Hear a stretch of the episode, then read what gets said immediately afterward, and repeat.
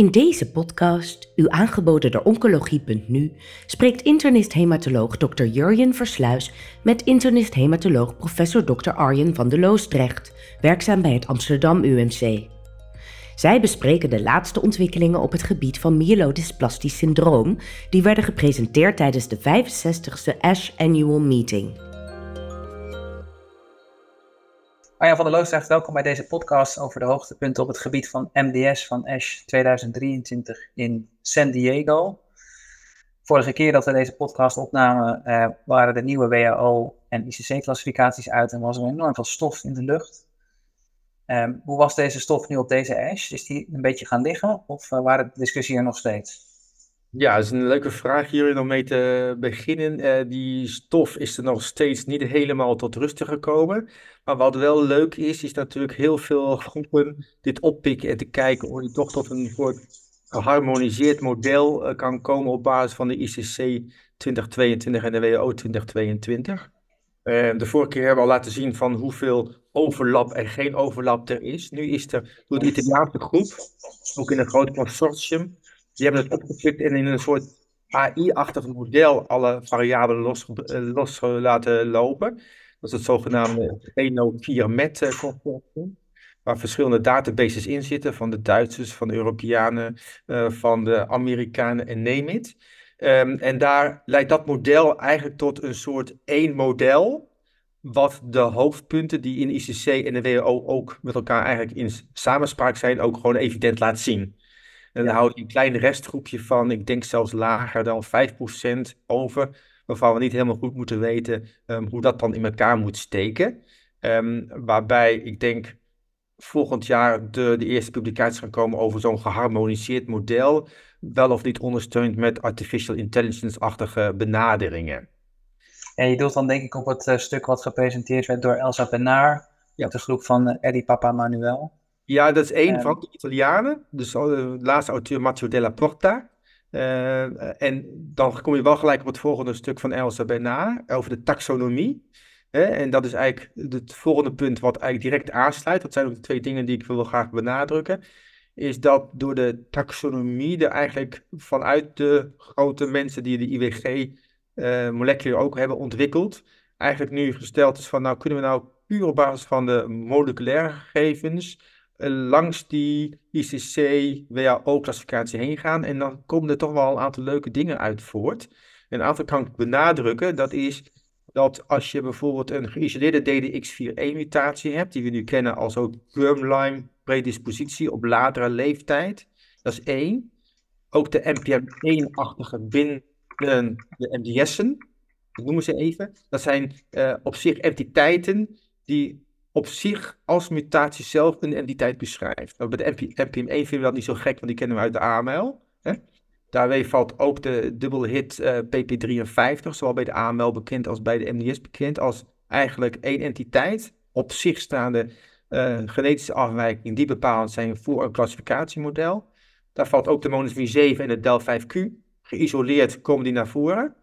Maar wat dan wel interessant is, dat als je naast die geïsoleerde, op zichzelf staande groepen kijkt, er ook andere mutaties zijn, die met name in de vorm van co-mutaties, ik noem het even, EZH2 en de AXL1, um, bijvoorbeeld de IDH2 uh, eh, met een uh, eh, STAR2 of een, of een andere variant, die bepalen ook een eigen identiteit.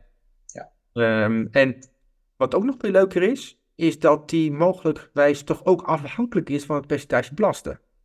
En dat is interessant, want uh, de hele AML-MDS-groep die elkaar in de klinisch ligt over cut-off levels van blasten ja of nee, is dus niet helemaal achterhaald. Je weet, ik ben een voorstander van gewoon genuanceerd kijken naar blastenpercentages. Ik weet ook dat genetische predispositie, dat genetische mensen, entiteiten als het PP53, als de MPM1, et cetera, gewoon duidelijk definitie heeft. Maar ik zeg ook dat anderen misschien toch ook niet helemaal onafhankelijk zijn op zich, maar de blastenpercentage er wel degelijk toe doet. Nou, dat ik hoor wat je zegt, maar Arjan, maakt het onszelf dan niet nog moeilijker? Kijk, dit is een, een denk ik hele interessante analyse die gebaseerd is op biologie. En volgens mij in, uh, ook wel relatie heeft met uitkomsten, als je die taxonomie bekijkt. Het is allemaal niet significant en eh, het is gradueel allemaal net een beetje slechter of beter, vanaf welke kant je het bekijkt. Maar we gaan heel veel groepen krijgen en wordt dat dan uiteindelijk voor de daadwerkelijke behandeling ingewikkeld? Uh, dit is um, ja en nee. Eén, als je groepen identificeert die een duidelijke mutatie heeft, zoals een IDA1, zoals een IDA2, zoals een FLIT of name it, dan heb je dat als uitgangspunt voor target drug therapies, zoals ze dat nu ook doen in de HOVON trials. Ja, dan, dan heb je het dus nodig. Als je dan kijkt naar prognostische modellen en je hebt wel bijvoorbeeld zes of tien of ik weet niet hoeveel klasses, maken we het daar ons onnodig moeilijk mee? Ja. Dus dat betekent ook dat de ontwikkeling van specifieke drugs voor een ziekteentiteit door moet gaan, want anders heeft het allemaal geen zin. En overal beschouwd hebben we natuurlijk binnen het laagrisico MDS nog ongelooflijk weinig behandelingsmogelijkheden. En dan moet je zeggen van ja, of, of je nou uh, very low, very, very, very low, low, intermediate, low risk hebt. Die moeten we nu, nu gewoon praktisch gezien combineren. En dan komen we zo op de behandelingen. En dat heb je gewoon gelijk in. Bij het hoog risico is natuurlijk veel meer uh, al gedifferentieerd werken op basis van target therapies. Uh, à la, um, zeg maar, uh, AML. Ook daar geldt voor groepeer het, maar het blijft nadenken. En voor de patiënt moet je het praktisch houden. Ben je eens? Ja, en, en tussen je oogharen door kijkend zie ik wel dat de mutaties um, in de zeg maar, patiëntengroepen met een slechtere overleving, in deze taxonomie bijvoorbeeld, dat dat toch ook wel de mutaties zijn die we kennen van MDS, AML of van AML zelf. Ja, ja eigenlijk wel. Dus, uh, en ik, ik blijf wel beweren, het is niet zwart-wit, er zijn nuances, maar maak het ook praktisch en dan heb je gewoon gelijk. Dus ik denk ook de strategie van Hovon om de hoogrisico MDS'en tot op het heden nog steeds te behandelen als zijn leukemie. Um, daar is wat voor te zeggen, maar je weet van mij, ik heb daar ook wel wat kritiekpunten. Ja. En als ik dat in de wereld bespreek, dan denken ze nog steeds van Van der Loosdrecht, Hoofdvond, neem het, uh, wat doen jullie daar? En daar kan ik ook gewoon deel in meekomen. Nou, daar komen we misschien zo op als we de hoogrisicopatiënten gaan bespreken. Laten we eerst uh, stilstaan bij de behandeling van laagrisicopatiënten. Ja. Uh, we hebben recent uh, een gerandomiseerde studie gepubliceerd in de Lancet, Lancet Hematology. en nu werden de finale resultaten van de Commands 3-studie getoond. En daar wil ik eigenlijk als eerste bij stilstaan. Waarbij dus Spatacept ten opzichte van placebo is onderzocht ja. in een gerandomiseerde studie met meer dan 300 patiënten. Voor eigenlijk alle patiënten met een laag risico MDS. Zeg ik dat goed? Het is, het is genuanceerd. Het is de command-studie die gaat, gaat eigenlijk upfront vergelijken tussen laag risico MDS versus Spatacept en erythropoïetine. Excuus, je hebt helemaal gelijk. Ja. Dat is de, de kleine nuance. En, en dat is een lastige studie. We hebben in Nederland daar ook aan meegedaan. We hebben diverse patiënten in. Ik geloof in het Erasmus ook. Um, maar dat had op voorhand al een hele hoop problemen. Want de voorafkans dat luspatercept het beter zou gaan doen versus EPO lag vrij voor de hand. Ja. En dat kwam ook op basis van het feit hoe de patiëntengroepen zijn gedefinieerd. En um, het doet um, geen af aan het feit dat luspatercept er veel beter uitkomt dan de EPO upfront. Dat doen we niet af. Um, maar er is wel ongelooflijk veel discussie over, zeg maar, hebben we wel de juiste groepen met elkaar vergeleken ten aanzien van endogene EPO-spiegels. De voorafkans dat EPO niet werkt bij een patiënt die transfusie afhankelijk is, die een hogere endogene EPO-spiegel heeft. Ja, dat weten we wel. Dus daar komt EPO per definitie dan ook slechter uit. Ja? Dus na vanaf is het een vrije studie in de zin van dat het de voordelen is van de spatacept. Daarbij gelijk de kanttekening dat er maar een kleine groep patiënten is in de luspatercept-arm die uiteindelijk ook langdurig voordeel heeft van een transfusie onafhankelijkheid als primair eindpunt, zeg maar. Ja? Twee, en de mediane um, zeg maar, voordeel van luspatercept is natuurlijk ook niet zo dramatisch. Dat is allemaal binnen een, zeg maar, een jaar blijft dat staan. Dus je moet je wel bewust van het feit dat je hiermee niet cureert dat je natuurlijk een belangrijke groep transfusie onafhankelijkheid bereikt, bewerkstelligt.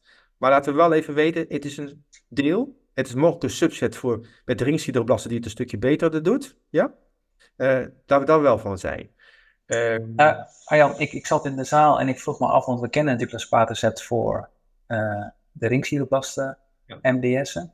En als je kijkt naar, hen, dus de overall analyse is zoals je schetst, maar als je dan kijkt naar een subanalyse, waarbij ze de ringsideroblas positieve versus de negatieve patiënten met elkaar vergelijken, dan zie je geen effect op transfusieonafhankelijkheid in de ringsideroblas negatieve patiënten.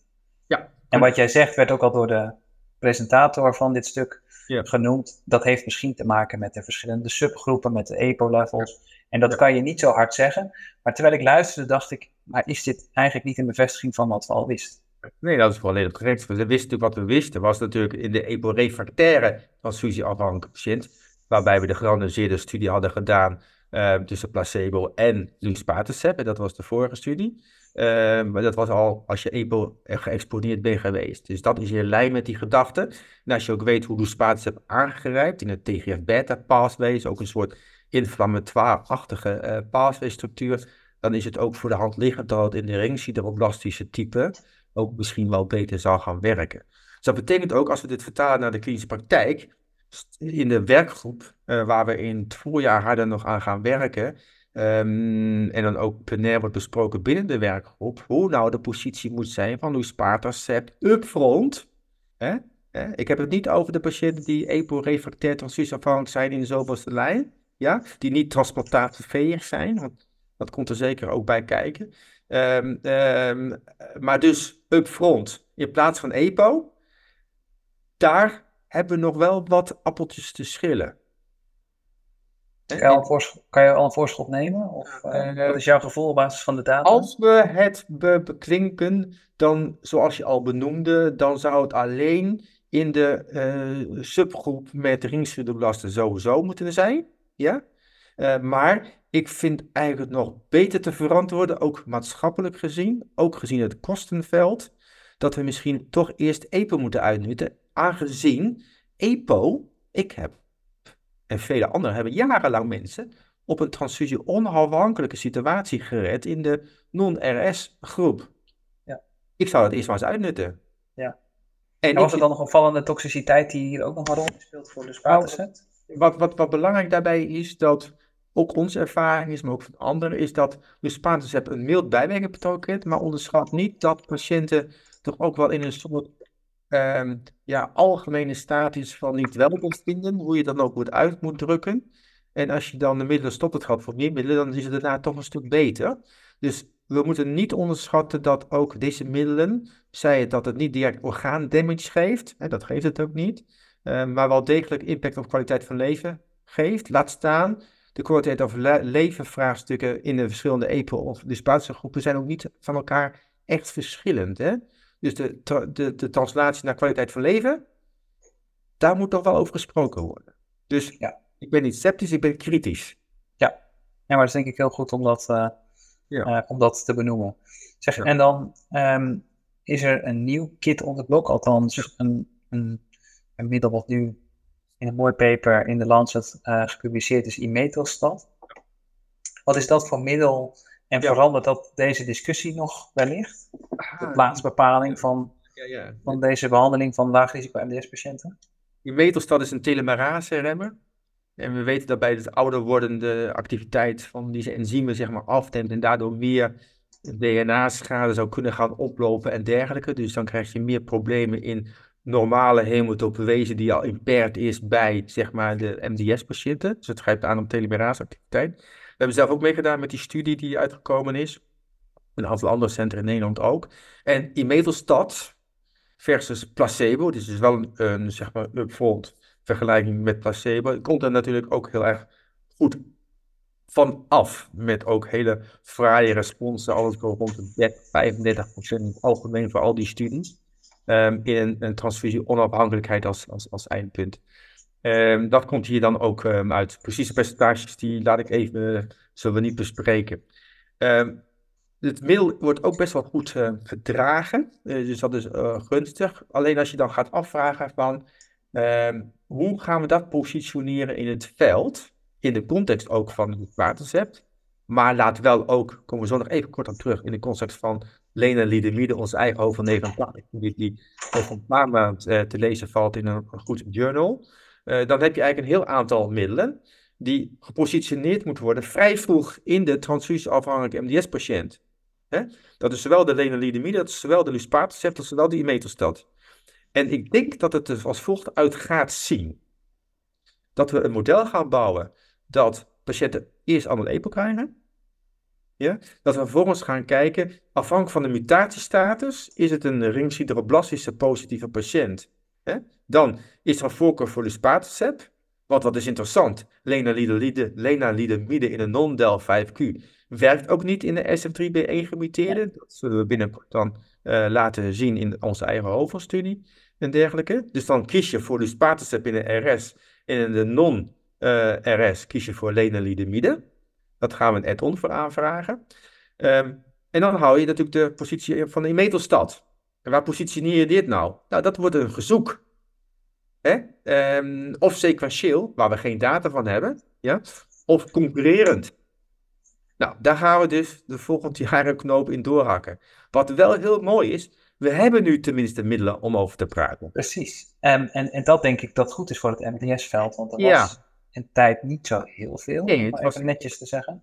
Nou, zeggen Eh, we, als het Halve bloed.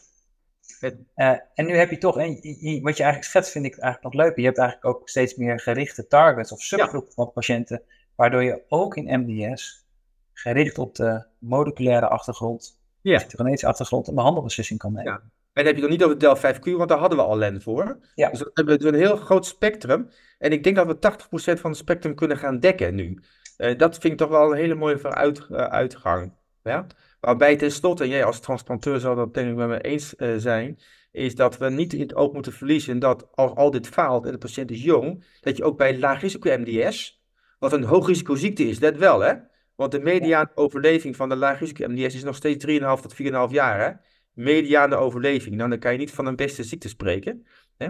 Dus laten we ook niet uit het oog verliezen bij patiënten die transplantantveeg is, op grond van leeftijd, comorbiditeit en noem het, ja, de transplantaties niet uit het oog moeten verliezen bij een laag risico patiënt op grond van het verschil met hoog risico.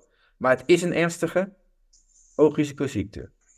Ja, dan wil ik toch ehm, heel even, want ik als transplanteur heb dat soort sessies ook gevolgd tijdens ASH, eh, stilstaan bij een andere analyse van Porta. Ja. ehm, van ongeveer 9000 eh, MDS-patiënten, waarbij hij gekeken heeft naar de timing van allogene Ja. stamceltransplantatie. Ik weet niet of je die data Jij gezien hebt. Maar wat, wat daar heel elegant is onderzocht met een ook innovatieve statistische methode, dat kon ik natuurlijk ook erg waarderen, is dat je zag dat bij de laag risicopatiënten, laag risico MDS-patiënten conform de IPSS-M, Ja. dat het beter was, dat de overleving beter werd als je wachtte met transplantatie. En heel duidelijk uit die analyse kwam ook dat je de hoogrisicopatiënten zo snel als je kunt moet transplanteren. Zeker. Nou ja, je hebt eigenlijk de- de- het allemaal heel mooi samengevat. Wat eigenlijk- maar dat, eh, dat mag ik uit jouw oren en ogen en mond verwachten. Eh, ja, dat is precies de zaak. Dus eh, we wisten al natuurlijk uit een paper eerder, volgens mij in de begin jaren 2000 geweest, eh, wat ook een statistisch model had, eh, waarbij delayed versus upfront transplantatie in MDS is uitgezocht. Nou, dit wordt bevestigd met het IPS molecular model. Heel prachtig.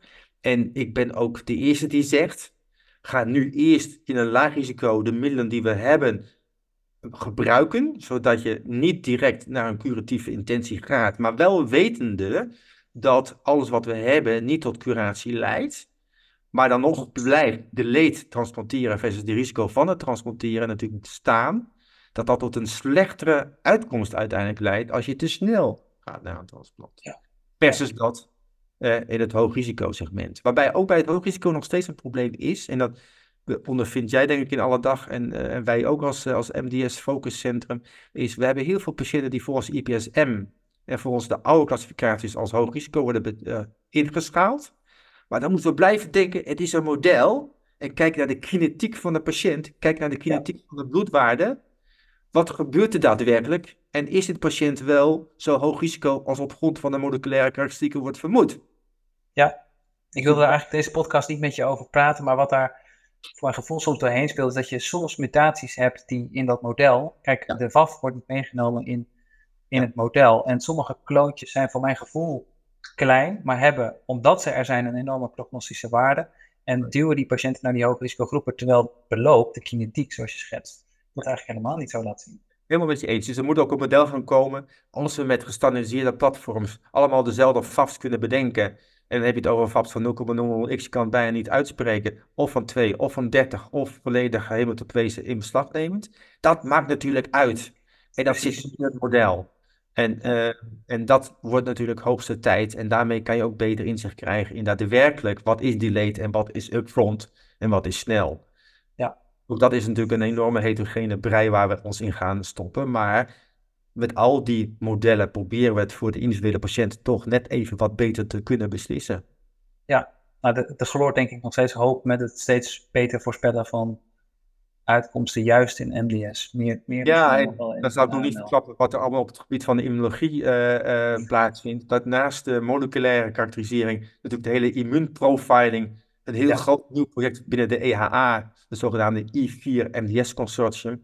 En daar zitten we natuurlijk als Nederlanders ook bovenop en middenin. Uh, dat we next to de molecular definitie natuurlijk onze immunologie gaan uitnutten om de waarde in te schatten op deze modellen. Want uh, je zal het langzaam met me eens zijn dat we kijken naar een kloontje, onderdeel is van een micromilieu, et cetera, et cetera. En dit bepaalt samen uiteindelijk de klonale expansie, naar mijn ja. bescheiden mening. Arjan, maar niet te lang over praten, want dan wordt het een hele lange podcast en zijn we de luisteraars misschien kwijt. We, we kunnen wel heel even stilstaan bij MRD en dan maken we gelijk de brug naar hoogrisico MDS-patiënt, het laatste onderwerp. Uh, de waarde van immunologie, maar dan als MRD-bepaling. Ja ja, binnen ja. de hoogrisico MDS-patiënten zoals Loklan uh, uit jullie groep. Ja. ja, wat we op een gegeven moment hebben gezegd van nou, we hebben zoveel uh, data in, in prospectieve trials van Hogon gedaan. Laten we die natuurlijk al eens een keer op elkaar leggen. En laten we nou eens kijken hoe we MDS definiëren binnen de afgelopen tien jaar, bij wijze van spreken, ten opzichte van AML. We hebben AML en hoogrisico MDS volgens de IPSS, volgens de IPSR en noem het maar op, allemaal op dezelfde manier behandeld. Nou, bij uitstek is dat een cohort om te kijken van hoe eenduidig na een eenduidige behandeling MRD ook voorspellend zou kunnen zijn voor uitkomst op gestandardiseerde manieren gedaan, na twee kuren conventionele inductie uh, en patiënten die dan ook in CR zijn gekomen. Want anders hoef je dan niet naar te kijken. Nou, als je dan AML versus MDS onderscheidt, dan zie je dat de voorspellende waarde van MRD die we in AML kenden, dat het ook van waarde is binnen de MDS-groep. Nou, op zich is dat niet heel verbazend, maar we hadden die data niet. En nu hebben we het uitgepeld. Ja. Als je dan kijkt naar de waarde van bijvoorbeeld een patiënt met een hoogrisico MDS die MRD positief is, die doet het nog altijd slechter als een patiënt met een MRD-positiviteit van, met een AML. Dan het... heeft, dat, heeft dat consequenties, denk jij? Nou, de, Kijk, we hebben die patiënten allemaal op dezelfde manier eenduidig behandeld. En als je zegt van de patiënt um, um, zeg maar, heeft een worst scenario, die gaan we toch alle geen transporteren. Ja, maar dat hebben we ook gedaan. Dus als je dan kijkt tussen de uitkomst van een adverse risk MDS, dan zie je nog steeds een verschil tussen MRD, NEG en POST. Dat zegt wat over de ja. biologische ziekte. Dat zegt ook, naar mijn smaak, dat een MDS, als je naar het geheel kijkt, ondanks de confounders van een um, verrijking naar een adverse risico, ja, maar ook al ga je dat eruit halen, zie je nog steeds dat MDS het slechter doet.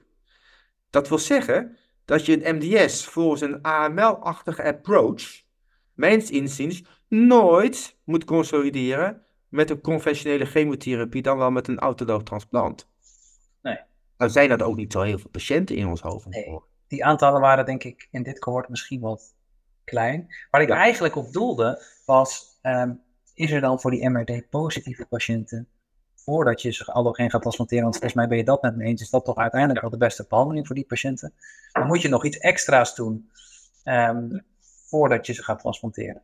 Nou ja, dat is een hele zinvolle vraag. Ik toch ongelooflijk moeilijk te beantwoorden. Want MRD-conversie pre-transplant. Nou, laten we daar maar zo van. Dat is enorm zo lastig, want dan ga je weer waarschijnlijk delayed transplanteren. Dan wel, je gaat toxiciteit introduceren, waardoor de uitkomst van allergeen, nou, noem dan maar op wat voor confounders je uh, zeg maar gaat krijgen. Uh, dat is niet misselijk. Hè? Uh, maar natuurlijk, als je MRD-negativiteit pre-transplant kan gaan bewerkstelligen, als dat voorspellend zou zijn bij eenzelfde modulatie van een transplant, um, dan heb, is, is dat zinnig. Ja. Maar ja, er zijn er nog niet. En, die En denk je dat, dat, dat, die, dat de setting van voorbehandeling misschien nog uitmaakt? En is dan intensieve chemotherapie de beste behandeling voor een hoogrisico MDS-patiënt of Ja, iets dat- anders? Ja, dat, is natuurlijk het grootste punt. Eh, we hebben natuurlijk, eh, de Amerikanen lachen ons uit omdat wij met 7 plus 3 onze hoogrisico MDS-patiënten eh, zitten te behandelen. Daar heb ik ook heel veel vragen, krijg ik daar continu over. Nou goed, de, ik moet eerlijk zeggen, ik kan daar ook wel best wel in komen. Dus we moeten ook, en die data gaan nu ook wel komen, in, in zeg maar HMA behandelde hoogrisico MDS'en. Is dan, blijft MRD überhaupt dan van waarde of helemaal niet? Nou, die data hebben we natuurlijk voor een deel gaan we die in onze hoofd van eh, studies zien, omdat we de, bij de elderly ook MRD bepalen in high-risk MDS'en in hetzelfde zeg maar consortium. En in de elderly heb je natuurlijk al een verrijking van MDS'en op zich zitten. Dus daar komt de waarde van MRD op een andere manier straks eh, tot uitdrukking, als het tot de uitdrukking komt. En dat bepaalt natuurlijk wel een beetje dan de toonsetting van. Of MRD van waarde gaat krijgen in clinical decision making. Zeg je nou, waren er ook wel wat data van eh, hypomethyleerders bij eh, eh, high-risk MDS? Er werd ook nog een grote fase 1b-studie met meer dan 100 patiënten ehm, getoond met azacitidine met venetoclax. Wat was jouw indruk van die resultaten? Nou, ik, ik, ik, ik vond het, eh, ik had ehm, meer toxiciteit verwacht, eerlijk gezegd. Dus ehm, ik was eigenlijk van mening, als je HMA in de afgelopen jaren met wat dan ook hebt eh, gecombineerd, die, die, al die studies waren negatief in het hoogrisico MDS, eh maar golimumab, nou neem het, eh, van de afgelopen tien jaar, eh pevonidostat met HMA, en dus nu het HMA plus ven. Ik had gedacht dat alle patiënten zouden omvallen qua toxiciteit, maar dat viel mij dus wel mee. En de getallen van de eerste, fase 1, hè, 1b, die vond ik helemaal niet zo slecht. Die dus- eigenlijk heel erg op de Viala A-data. hè? Dacht ik ook. En ehm, dus vandaar dat we, denk ik, daar nog. We kunnen het ook nog niet toepassen, dat gaan we ook niet doen. Hè? En je kan natuurlijk zeggen van in het, in het, in het tijdperk van ICC, WHO, eh AML, MDS, het is allemaal één pot nat. Daar ben ik het dus niet mee eens, dat heb je duidelijk gehoord. Maar ehm, er zullen zeker patiënten zijn die we met Ven-AZA in de elderly behandelen, die eigenlijk gewoon een MDS hebben, hoog risico, en die we al zodanig behandelen nu. Toch? Ja. In de praktijk. Nou, dan, vallen we, dan vind ik de getallen best wel bemoedigend. Dat betekent ook dat we met die combinatie door moeten gaan. We gaan natuurlijk op de fase 2, fase 3 studies eh, wachten daaromtrent. Wat nog wel interessant is om het ook af te ronden, is dat de orale decitabine varianten versus ehm ASA in een heel groot populatieonderzoek van, eh, van Seiden onder andere in Amerika ook laat zien dat daar best wel equivalente gegevens uitkomen benadrukkend dat orale formuleringen als het ONU-recht, waar het niet voor is, hè, ik noem het even niet, maar orale decitabine met die andere compound erbij, ehm, dat die natuurlijk best wel interessant is om daar een positie over te gaan bepalen. En ook voor de patiënt denk ik heel eh, prettig Ja. kan zijn. Juist. Ja. Laat staan ik- gaan combineren nog met dendritische celvaccinaties, waar we het vandaag niet over gaan hebben. Maar Nee, samen met HMA natuurlijk ook best een interessante maintenance-achtige strategie in MDS, CQ, AML. ja. Dan, dan, als ik je zo hoor, tot slot de laatste vraag. Denk je dan dat uiteindelijk een allogene stamceltransplantatie voor MDS wellicht eh, een vervanger gaat krijgen? Ja, ja oeh, dat is natuurlijk een hele moeilijke vraag. Kijk, ik ben natuurlijk een enorme believer op grond van eh, eh, kennis die we zelf vergaren in het laboratorium, of wat ik van de literatuur eh, probeer te begrijpen, is dat, eh, dat MDS natuurlijk veel meer en veel meer een stamcelziekte is dan AML. Kijk, bij AML heb je natuurlijk soms toch eh, een belangrijke subset beyond de stamcel, een, de- een, een, een differentiatieblok. Dus daar heb je natuurlijk nog gezonde stamcellen. Dat laat ook wel zien dat je autoloog kan transporteren bij een, bij een AML, bij een echte AML. Ehm, dat idee heb ik nog niet van MDS. Dat zullen we natuurlijk leren, want de heterogeniteit bij MDS is net zo groot of misschien wel groter dan binnen de AML'en. Dus daar zullen ook varianten zijn, als we ze kunnen identificeren, die je misschien best heel goed met dit soort middelen kan behandelen, die we noemen. Gebruik ze gemakkelijk. Als een safety profiel hebben wat gunstig is, dan moeten we daar niet naar een allogene stamceltransplantatie toe. Dat zal de komende tien jaar nog wel even nadenken worden, wie dat dan zijn. Dus we gaan nog door met allogeen transplanteren voorlopig. Ik denk dat dat een mooie conclusie is van eh, deze podcast. Dat volgens mij het hele palet MDS weer besproken is. En we zouden nog een uur door kunnen gaan. Eh, maar dat doen we wel even buiten deze podcast. Zeker. Arjan, dankjewel. Ehm En tot volgend jaar op ASH. Dan Graag. weer een nieuwe ronde. Ook uh, dankjewel voor uh, de mogelijkheid om dit op deze manier te kunnen bespreken. Bent u geïnteresseerd in meer podcasts? Deze zijn te vinden op de website oncologie.nu.